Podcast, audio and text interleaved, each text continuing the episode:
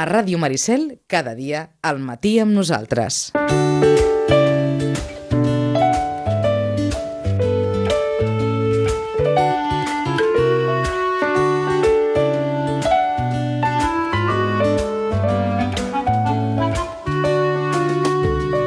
You kept complaining, sitting in the sofa, pretending everything. Les 9 i 50 i és l'hora del menja sa.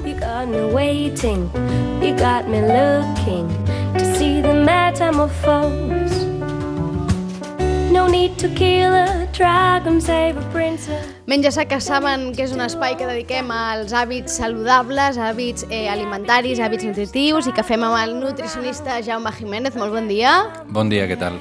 I avui parlem eh, d'un tema que és absolutament actualitat perquè ahir va ser, o abans d'ahir, va sortir un article a La Vanguardia, ahir, abans d'ahir va ser, eh, signat per Antonio Ortí, el periodista, i que es titulava La cuidada dieta de Leo Messi para ganar el séptimo balón de oro. I entre els entrevistats doncs, hi havia el nostre nutricionista, en Jaume Jiménez, i d'alguna manera aquest article ens porta avui el tema eh, del dia, que és parlar de nutrició i esport. Aquesta, una relació que sempre ha estat present, però que d'alguna manera aquests esportistes eh, d'alt nivell doncs, eh, ens han posat sobre la taula no? i ens han fet que relacionem més i ara es, ha aquest vincle no? que d'alguna manera ens fa pensar o ens ha fet portar a pensar, si més no, ha portat aquest titular que lliga doncs, aquesta, aquest setè valor d'or eh, de Leo Messi lligat directament als hàbits alimentaris. Jo no sé fins a quin punt, eh, Jaume, realment eh, és un titular encertat, en el sentit de que fins a quin punt la nutrició és important en un esportista d'èlit.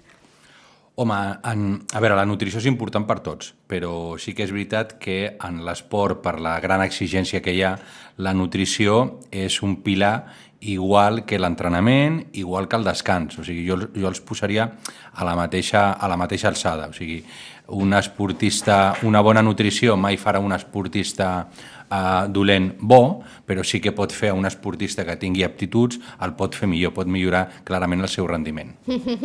Eh, de fet, això sempre ha estat així. El que passa que probablement, eh, no sé, Jaume, fins ara tampoc no se'n feia gaire cas, no? És a dir, mm. va ser notícia en el seu moment quan Guardiola eh, va agafar Messi i li va dir que s'havien acabat els asados argentins, mm. els conguitos, que es veu que li agradaven molt, i sí. la Coca-Cola, que allò s'havia acabat i que a partir d'aquell moment no només havia d'anar a entrenar els dies que havia d'anar a entrenar, sinó que també l'alimentació començava a passar a tenir un paper eh, destacat. Mm. Això sempre ha estat així, però clar, no ha estat fins que ha arribat en aquests personatges no? altament mediàtics i, i amb molts seguidors que d'alguna manera la resta de la població ens anem adonat. Sí, a veure, això en Estats Units, la nutrició esportiva fa molts anys que ja està establerta i molts esportistes i clubs ja tenen el seu servei de nutrició. El que passa que Europa no estava tan desenvolupat i sí que és veritat, com tu dius, que que des de que s'ha posat de moda i el Barça va guanyar tot el que va guanyar, uh -huh. evidentment amb una persona molt disciplinada com és Pep Guardiola, que tenia absolutament tot controlat, evidentment van canviar moltes coses. El que dius de Messi és veritat, però també és veritat que tenia uns hàbits com, per exemple, li feia unes siestes molt llargues, a, a part d'una alimentació. No? Llavors, clar, tot això, quan eh, fem uns hàbits de vida millors, mengem millor, traiem sucres eh, i incorporem altres aliments que aporten nutrients interessants, evidentment, el que dèiem, no? si tu ja tens eh, aptituds, doncs encara pots millorar-les. Mm -hmm. Per tant, totes aquestes recomanacions nutricionals amb aquests esportistes els ajuda a ser encara millors esportistes i ara aquí ve la part interessant de l'article en la que volem entrar. Això no significa que el que li funciona a Leo Messi ens hagi de funcionar a nosaltres. És a dir, no perquè nosaltres ens alimentem ara o fem, eh, seguim la dieta que fa eh, en Messi o qualsevol altre esportista d'elit, nosaltres de sobte eh, ens convertirem en esportistes d'elit o anirem molt bé. -hmm. Que entenc que aquesta, eh, aquest és el perill, no?, d'alguna manera, de, de quan aquestes coses arriben a, al gran públic. Exacte. A veure, hem de tenir en compte, de fet jo a l'entrevista ho comento, no? que no tindríem que copiar l'alimentació de cap esportista ni de ningú, perquè cada persona és diferent, però a més, en l'esport encara més, perquè no és el mateix un triatleta que un futbolista, no té res a veure, o una persona que practica crossfit, a una persona que eh, s'enfrontarà a una marató, per dir alguna cosa, no? Per tant, el que hem de fer és personalitzar, demanar assessorament i, eh, eh, diguéssim, adaptar la nutrició al volum d'entrenament, als objectius, a la competició, és radicalment diferent. Sí que podem aprofitar doncs, aquest, aquest, aquesta corrent d'hàbits saludables, de menjar més peix, més fruita, més aigua... Tot això està bé, però ja ho sabem, o sigui, això ja són pautes genèriques. Però si volem fer-ho bé, eh, tenim que personalitzar, perquè moltes vegades aquests esportistes, i de fet hi ha mm, autèntiques barbaritats que es diuen, eh, i jo m'ho trobo molt a la consulta, no? de una persona que fa una dieta cetogènica i fa una marca increïble amb un triatló. bueno, pues, automàticament moltíssima gent fa dieta cetogènica per aconseguir bona marca amb un triatló, quan això no és així. O sigui, el que li va bé amb un no vol dir que li vagi bé amb un altre. Inclús en la mateixa prova, o sigui, dos triatletes eh, li pot anar millor una dieta o una altra eh, en funció de moltes altres coses. Mm? Mhm. Per tant, eh, sempre intentar-ho personalitzar i compte, no estem parlant només d'esportistes professionals. És a dir, la nutrició i tenir una dieta eh, d'alguna manera controlada nutricionalment em, hauria de ser per qualsevol persona que realitza esport d'una manera continuada, no? És a dir, entenc que no, no, fa, no fa falta que siguis un esport, un esportista professional perquè d'alguna manera vinculis la teva dieta a la, a la teva activitat física, sinó que qualsevol persona de carrer que de manera més o menys regular realitza activitat física, que d'altra banda això és el que es recomana, que realitzi activitat física d'una manera més o menys eh, continuada, hauria d'alguna manera de eh, controlar i mirar la seva dieta i adaptar-la a això, no? a l'esport que fa, a aquella activitat física, aquell exercici que realitza. Exacte, de fet, curiosament, el que ens estem trobant molt a la consulta és eh, gent aficionada eh, que molts d'ells o d'elles eh, tenen algun grau de sobreentrenament, o sigui que moltes vegades els professionals tenen bones planificacions, tenen eh, bona nutrició, però ens trobem que molts aficionats eh, entrenen fins l'últim dia uh, i no mengen el que tenen que menjar. No? Per tant, hem de tenir en compte que qualsevol persona que practiqui activitat física més de 2, 3 hores, 4 a la setmana, ja tindria que, uh, que tenir cura de lo que menja, perquè moltes vitamines, molts minerals eh, es poden necessitar en major quantitat, més quantitat d'hidrat de carboni, més quantitat de proteïna. Per tant, és important que si volem fer esport i volem que aquest esport ens, eh, ens vagi bé, ho hem d'acompanyar amb un bon descans, que és molt important també, uh -huh. però també amb una bona nutrició, que, de, de, que és de lo que es tracta, perquè al final eh, tots mengem diverses vegades al dia i és molt important el que l'esportista menja. Jo sempre poso l'exemple de la benzina. Si tu eh, tens un cotxe, li pots posar benzina de low cost o li pots posar benzina uh -huh. d'una benzinera Repsol, per dir uh -huh. alguna cosa, no?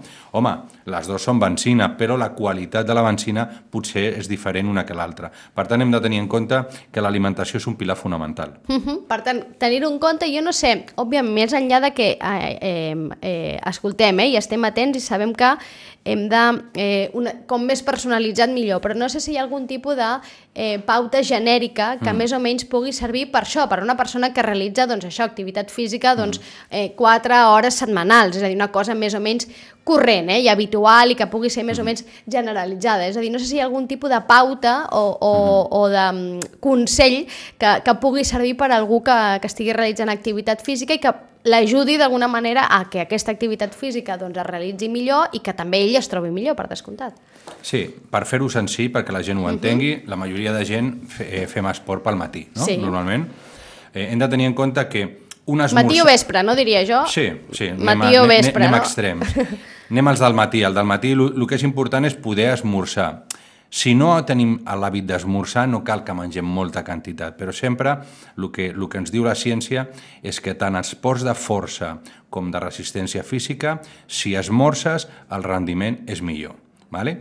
Què passa? Que molta gent entrena en dejú. Entrena en dejú per una suposada eh, millora. Per perdre pes no s'ha vist que sigui millor que fer una, una pauta d'alimentació correcta. Per tant, la gent que entrena en dejú per perdre pes que ho deixi de fer. Eh, esmorzar algo d'hidrat de carboni que hem d'adaptar als nostres gustos, d'acord? Que no siguin ensucrats i no siguin uh -huh. eh, eh, ultraprocessats. Això aniria molt bé. I sobretot eh, tenir molta cura de la recuperació. Això és important, perquè menjar alguna de proteïna i alguna d'hidrat de carboni després de venir d'entrenar és molt important. I jo diria més, és més important sobretot a les dones, perquè cuidado, perquè moltes dones que entrenen en dejú, eh, s'ha vist que, per exemple, la segona part del cicle menstrual, eh, poden utilitzar més proteïna muscular com a font d'energia. Si no esmorces, encara perdràs més, eh, utilitzaràs més quantitat de proteïna. Per tant, no esmorzar o no recuperar bé d'aquella sessió matinal eh, pues pot fer que no sigui tan eficaç el nostre entrenament. Mm -hmm. És a dir, que perds múscul, eh? és a dir, que estem perdent múscul i això no interessa mai, eh? Mm -hmm. Perdre múscul eh, no, no és mai objectiu, perdre, perdre musculatura. Pensa que una dona pot perdre aproximadament entre 0,1 i 0,2 grams de proteïna muscular per quilo per hora. Per tant... Clar, és molt, a, això. A, home, estem parlant d'una quantitat de proteïna 20, 25, 30 grams. Bueno, és, és, és proteïna. I els que entrenen per la, per la nit, el que tindrien que fer és un berenar que uh -huh. també ens permeti eh, poder rendir bé, perquè ja s'associa tota la fatiga de tot el dia, i llavors fer un sopar eh, més lleuger, no massa carregat, però que també porti algú d'hidrat de carboni de qualitat i algú de proteïna perquè la son ens faci eh, aquest efecte reparador mm. i regenerador de tota la sessió de tot el dia. Mm -hmm. mm? Per tant, eh, en entenc que en el cas d'aquests que comentaves ara de sopar, eh, després de sopar un, un bon recuperador per després seria una mica de, de peix, per exemple, amb una mica d'arròs, és a dir, per exemple, per exemple i els de mm. l'esmorzar, una pregunta, que ara aprofito que el tinc aquí, eh? Clar, ja que... Anava a dir, ja que surten, no, ja que sortim entrenant de ju al matí, perquè clar, sortim a les 7 del matí. Sí. I es fa difícil igual eh, t'has de llevar-te encara més aviat per esmorzar i que de vegades a aquella hora a les 6 del matí a una no li entren gaires coses. Aleshores, uh mhm. -huh. és possible fer-ho així i, i esmorzar després? És, si tu tens l'hàbit de fer-ho sempre així, no hi ha cap problema. Però tu has de saber que si tu vas a entrenar en dejú, ha de ser una sessió no massa intensa, uh -huh. ha, de sessió, ha de ser una sessió no massa llarga uh -huh. i, sobretot, eh, fer una bona recuperació. El que no has fet abans ho has de fer després. Però si el problema que tu tens és l'hora, productes líquids o semilíquids podrien ser una opció. Per exemple, un iogurt líquid que porta sucre podria ser una opció. Hi haurà gent que dirà, no, és que a mi em cau molt malament. Bueno, potser una fruita, potser un suc, potser un iogurt, potser eh, cosetes que siguin d'una textura fàcil de digerir, uh -huh. poden ser una opció, però si no tens l'hàbit no cal atiborrar-se, que això és molta, moltes vegades l'error, no? No, no, és que has d'esmorzar, has d'esmorzar. Si la persona no té l'hàbit, no passa res. Pots fer-ho bé, pots entrenar, però sobretot tindràs que tenir molt de cuidado a la recuperació de fer-ho prou bé. Mm? Eh, ho notes amb els, amb els pacients que t'arriben, amb els pacients que t'arriben, que quan modifiquen res, aquestes dues petites coses alimentàries, ells en l'entrenament també noten canvi, noten millores? Es not, és a dir, es nota realment mm -hmm. fent aquests dos canvis, fent aquest esmorzar previ abans, eh, sopant després, tenint en compte doncs, de sopar proteïna, de sopar hidrat de carboni, podem notar ràpidament millores en la nostra en el nostre rendiment esportiu? I tant. Mira, jo sempre dic que la nutrició esportiva és tan apassionant, tan, tan, tan bona. Uh, per exemple, quan una persona ens ve a la consulta i té colesterol, perquè l'impacte de la nutrició tingui efecte sobre els nivells de colesterol, la persona ho ha de fer bé durant moltes setmanes. Uh -huh. En canvi, la nutrició esportiva és tan, tan immediata que tu avui dir, avui es, eh, no esmorces, vas a entrenar i passat demà eh, prens un esmorzar i vas a entrenar igual i ja notaràs certa millora perquè el cos tindrà més energia. Si tu recuperes millor, si tu vas a entrenar per la tarda nit i recuperes bé i descanses bé, segurament el dia següent eh, potser que aquells dolors que tenies quan entrenaves ja no els tinguis, eh, potser que dormis millor, potser que a, a, a la, la següent sessió d'entrenament et trobis millor. O sigui, és bastant immediat l'efecte que té la nutrició i sobretot la hidratació perquè tu t'hidrates malament amb un entrenament i un dia després o dos dies després t'hidrates bé i l'efecte ja es nota. Uh -huh. O sigui que és, jo animo a tota la gent realment a fer aquests petits canvis que els hi ajudi i sobretot perquè farà que l'entrenament sigui encara millor. Perquè, clar, molta gent entrena molt bé però no descansa bé. Per tant, et rendeix pitjor l'entrenament. Entrena molt però no s'alimenta bé. Pues aquest entrenament està rendint menys del que podria rendir. Que és el que li passava a molts d'aquests esportistes, eh, o en aquest cas futbolistes, perquè l'article parlava de futbolistes, no? Futbolistes eh, molt bons, tècnicament meravellosos, amb unes capacitats futbolístiques eh, meravelloses, però que amb una mala alimentació doncs, això els perjudicava. I compte, fins i tot es lliga amb lesions. I és a tant. dir, la mala alimentació o no tenir un control nutricional pot anar molt lligat a lesions. I tant. Pensa que, per exemple, quan un esportista d'aquest nivell, però de qualsevol altre, quan venim de fer esport, eh, nosaltres tenim processos inflamatoris endògens activats. Això és normal, no és dolent, però què hem de fer? Hem d'intentar, sobretot si la sessió ha sigut molt intensa, hem de reduir aquesta inflamació el més aviat possible. I a certs aliments, com per exemple els polifenols, que els podem trobar a moltes fruites, fruites del bosc, els Sí. aràndanos i tot això, si nosaltres reduïm aquesta inflamació a partir d'aliments, també estarem reduint la hiperproducció de cortisol. Per tant, això també ajudarà que l'esportista eh, vagi assimilant més les càrregues d'entrenament. Per tant, fixa't si és important la nutrició per recuperar. Jo sempre dic que, eh, per exemple, això està demostrat, quan una persona pren eh, hidrats de carboni, sucres, un Sí. aliment molt ric en sucre, al cap d'una estona eh, gran part dels paràmetres inflamatoris a la sang augmenten. Per tant, si el propi exercici ja fa eh, un efecte inflamatori, que és positiu, no? Eh, però a sobre fem una alimentació proinflamatòria, amb greixos saturats, ultraprocessats, doncs evidentment estem predisposant aquella persona a que es pugui lesionar més fàcilment. Igual quan eh, s'ha lesionat i té que recuperar, també té que fer una dieta més antiinflamatòria. Hi ha aliments que poden ajudar, entre ells l'aguacate, l'oli Sí. d'oliva, el peix blau, les fruites, les verdures... Tot això ajudarà a reduir aquesta inflamació. No cal prendre a vegades suplements, sinó que amb una bona selecció d'aliments podem aconseguir un efecte molt, molt potent. Uh -huh. Per tant, important alimentar-se bé abans de fer exercici i després de fer exercici, no? És a dir, després de, per exemple, d'una prova esportiva forta, ja, ja no dic una marató, però una cursa de eh, 10 quilòmetres, de 20 quilòmetres, una triatló, eh, una half, per exemple, no? O una cursa... És a dir, eh, proves d'alguna manera més comunes, que no requereixen esforç, també és molt important el que es menja després, no? que moltes vegades en aquí ja no hi parem atenció. Sembla que com que ja hem fet l'esforç, ja hem fet la prova, Exacte. l'hem superat, ens ha anat més o menys bé, hem arribat, escolta'm, tot fantàstic, i aleshores arriba aquell moment del dinar, dius ara ja vaig a dinar i ara ja m'ho Des- passo de- tot pel forro. Descompressió i Exacte, vinga. i no, no? És important que aquest àpat també sigui un àpat d'alguna manera que es controli, no? Que tingui, entenc, no sé si ha de tenir més aport proteic, més aport eh, d'hidrats de carboni, que seria l'interessant. Depèn de l'esport, depèn de la modalitat, no? però jo hem, hem de tenir en compte que, clar, si, si un esportista com un futbolista està competint cada tres dies, és, molt, és importantíssim la recuperació. Clar, si nosaltres fem una, un half i no entrenem fins dues setmanes més tard, és relatiu, d'acord? És Mhm. relatiu. Però si ens volem cuidar, eh, hem de recuperar molt bé. Per això, eh, cerveses, alcohol, tot això que a vegades hem fet tots no? quan, quan hem fet una prova, perquè realment la descompressió psicològica és important, eh, doncs potser no és, lo, no és lo millor. Jo sempre dic als meus esportistes que jo porto, els dic, vale, jo entenc perfectament que és una muntanya russa emocional, Sí. eh, t'has estat preparant sis mesos, vuit mesos per una prova, l'has feta, perfecte. Eh, quan l'acabis, immediatament després et prens aquest recovery o et prens això i després, si tu vols anar a dinar i, pots, eh, i vols prendre vi, vols prendre cervesa, vale? amb, amb molta moderació, però sobretot que immediatament després tu hagis fet una, eh, una recuperació amb certs nutrients que ja t'ajudaran a recuperar més fàcil, a reduir aquesta inflamació que jo et comentava. Uh -huh. Es pot fer tot amb mesura i sobretot que l'esportista tingui en compte que el que fa immediatament després de- d'acabar és realment molt important. Jo sempre dic que el múscul és com una esponja. Quan nosaltres venim de fer esport, l'esponja està seca. Quan fiquem una esponja dintre d'un cub d'aigua, què passa? Absorbeix de seguida aigua. Pues el múscul és igual.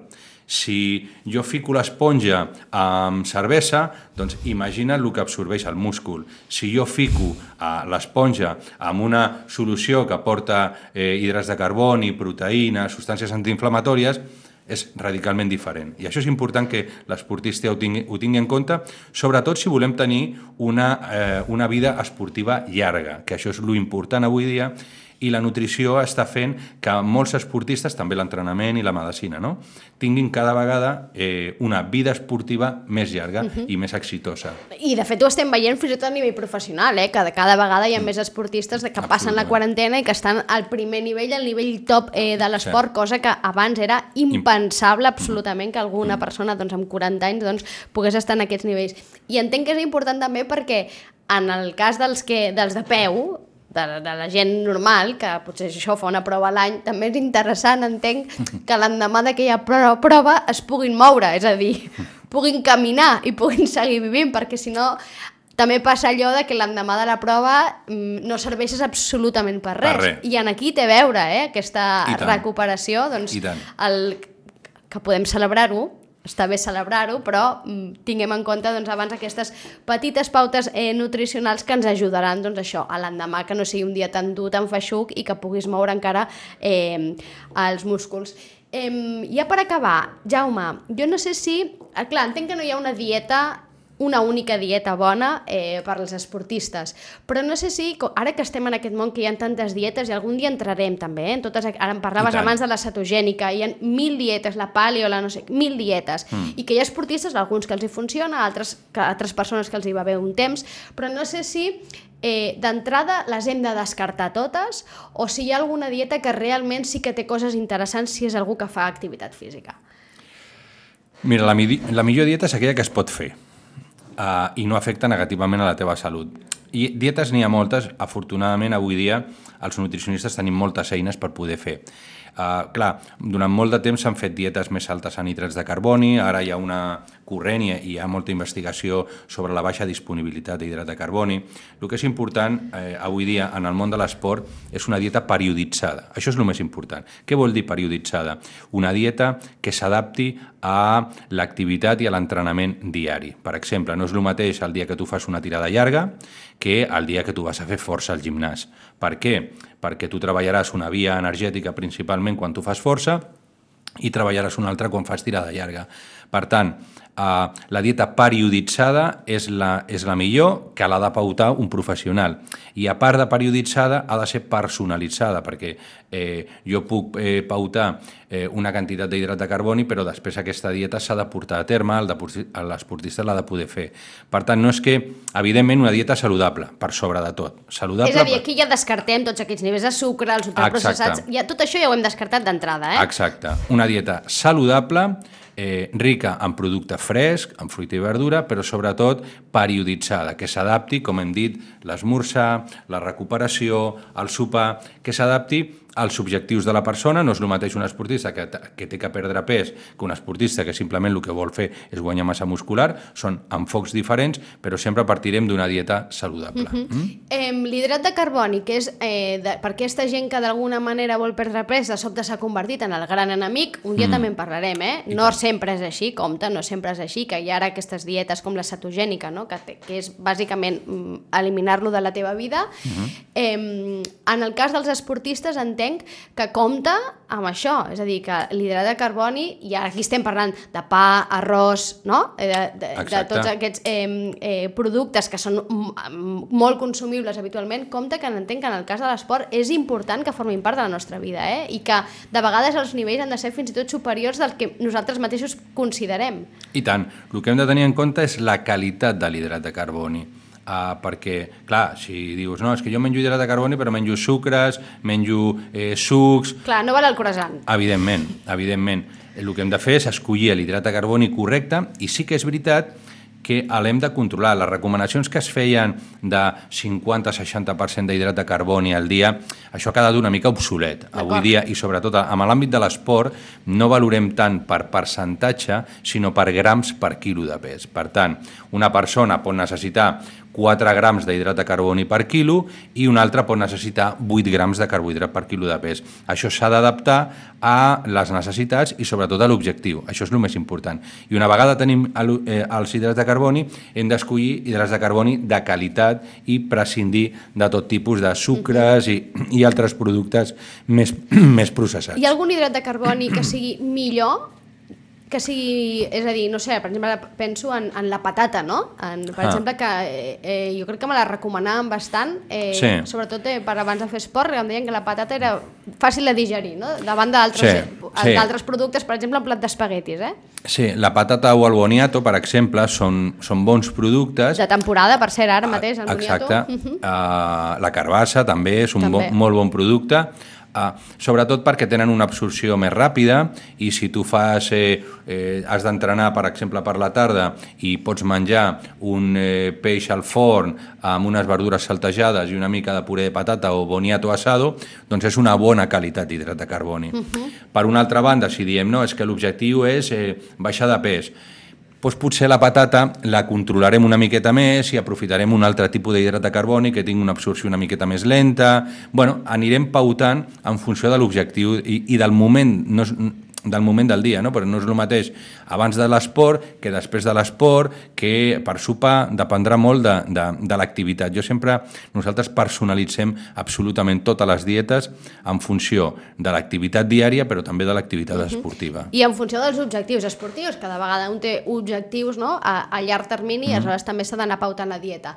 Compte també amb que això no té per què ser avorrit, que també era una cosa bastant eh, eh, històrica, no? sabuda, que semblava que els esportistes només menjaven eh, pollastre bullit i, I arròs. i arròs no? Sí. Semblava que aquesta era la dieta dels esportistes i clar, la gent es posava les mans i diu, quin avorriment tots Ah. els dies. No és així, eh? no ha de ser així això. Ni molt menys. Mira, de fet, jo l'altre dia estava al, a un congrés al, al, a les instal·lacions del Futbol Club Barcelona eh, i eh, parlaven de gastronomia esportiva i cada vegada és una branca que s'està desenvolupant més. Nosaltres al màster de nutrició esportiva tenim, incorporem classes de gastronomia esportiva perquè eh, es pot gaudir meravellosament de la nutrició i a sobre tenir un efecte positiu sobre el rendiment. O sigui que això de, que, de menjar arròs i pollastre, eh, home, qui es vulgui de, eh, deprimir, que ho mengi, però es pot fer molt bé menjant coses més bones. De fet, mira, i tornant, i per acabar, tornem a l'article aquest de La Vanguardia que publicàvem feia dos dies, eh? Deia l'article, Ahora Messi bebe mucha agua, come más fruta, verdura y pescado y restringe la sal, el azúcar, las grasas y los procesados. Cada entrada, això és el que hauríem de fer tots, entenc, Clar. Jaume, no? Evidentment. És un bàsic, això. Evidentment, o sigui, però a sobre fiquen... Eh, algun esportista diu que pren aigua Sí. alcalina i diuen no, el, la seva millora del rendiment és per l'aigua alcalina. Home, Ah.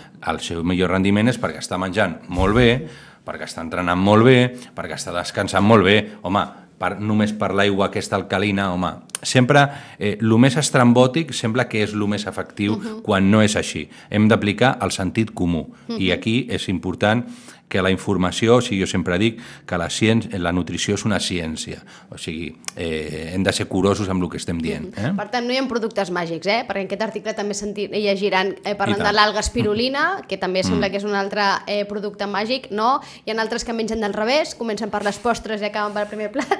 Entenc, Jaume, que això no afecta en res, no? És a dir, l'ordre l'ordre dels productes no varia, no? Això és com... L'ésser humà és meravellós. O sigui, menjar al revés eh, resulta que ara és el motiu per al qual doncs, un esportista està eh, despuntant, no? Home, eh, siguem seriosos, jo crec, eh? Sí, sí, el futbolista Lewandowski, es veu que ell i la seva dona mengen del revés. Comencen per les postres, escolta'm, i acaben per la sopa, pel primer plat. En Exacte. fi, eh, queda dit, no, no hi ha productes miraculosos, el que, el que compta és tenir, fer un seguiment, com més personalitzat millor. Per tant, si teniu alguna prova esportiva, si teniu interès en millorar el vostre rendiment esportiu, el més aconsellable és que us apropeu a un eh, nutricionista, algú que us pauti unes, eh, unes dietes i us menjars, i, i que no seran pollastre i arròs, que era aquella cosa històrica, ni tampoc hi haurà mm, àpats o, o productes miraculosos com l'espirulina o aquestes aigües alcalines. No hi ha, al final no hi ha miracles, eh? davant de la, de la nutrició és una ciència, com bé diu el Jaume. L'aigua calenta ja està inventada. O sigui que està clar. Està clar. Jaume, moltes gràcies. Gràcies a vosaltres.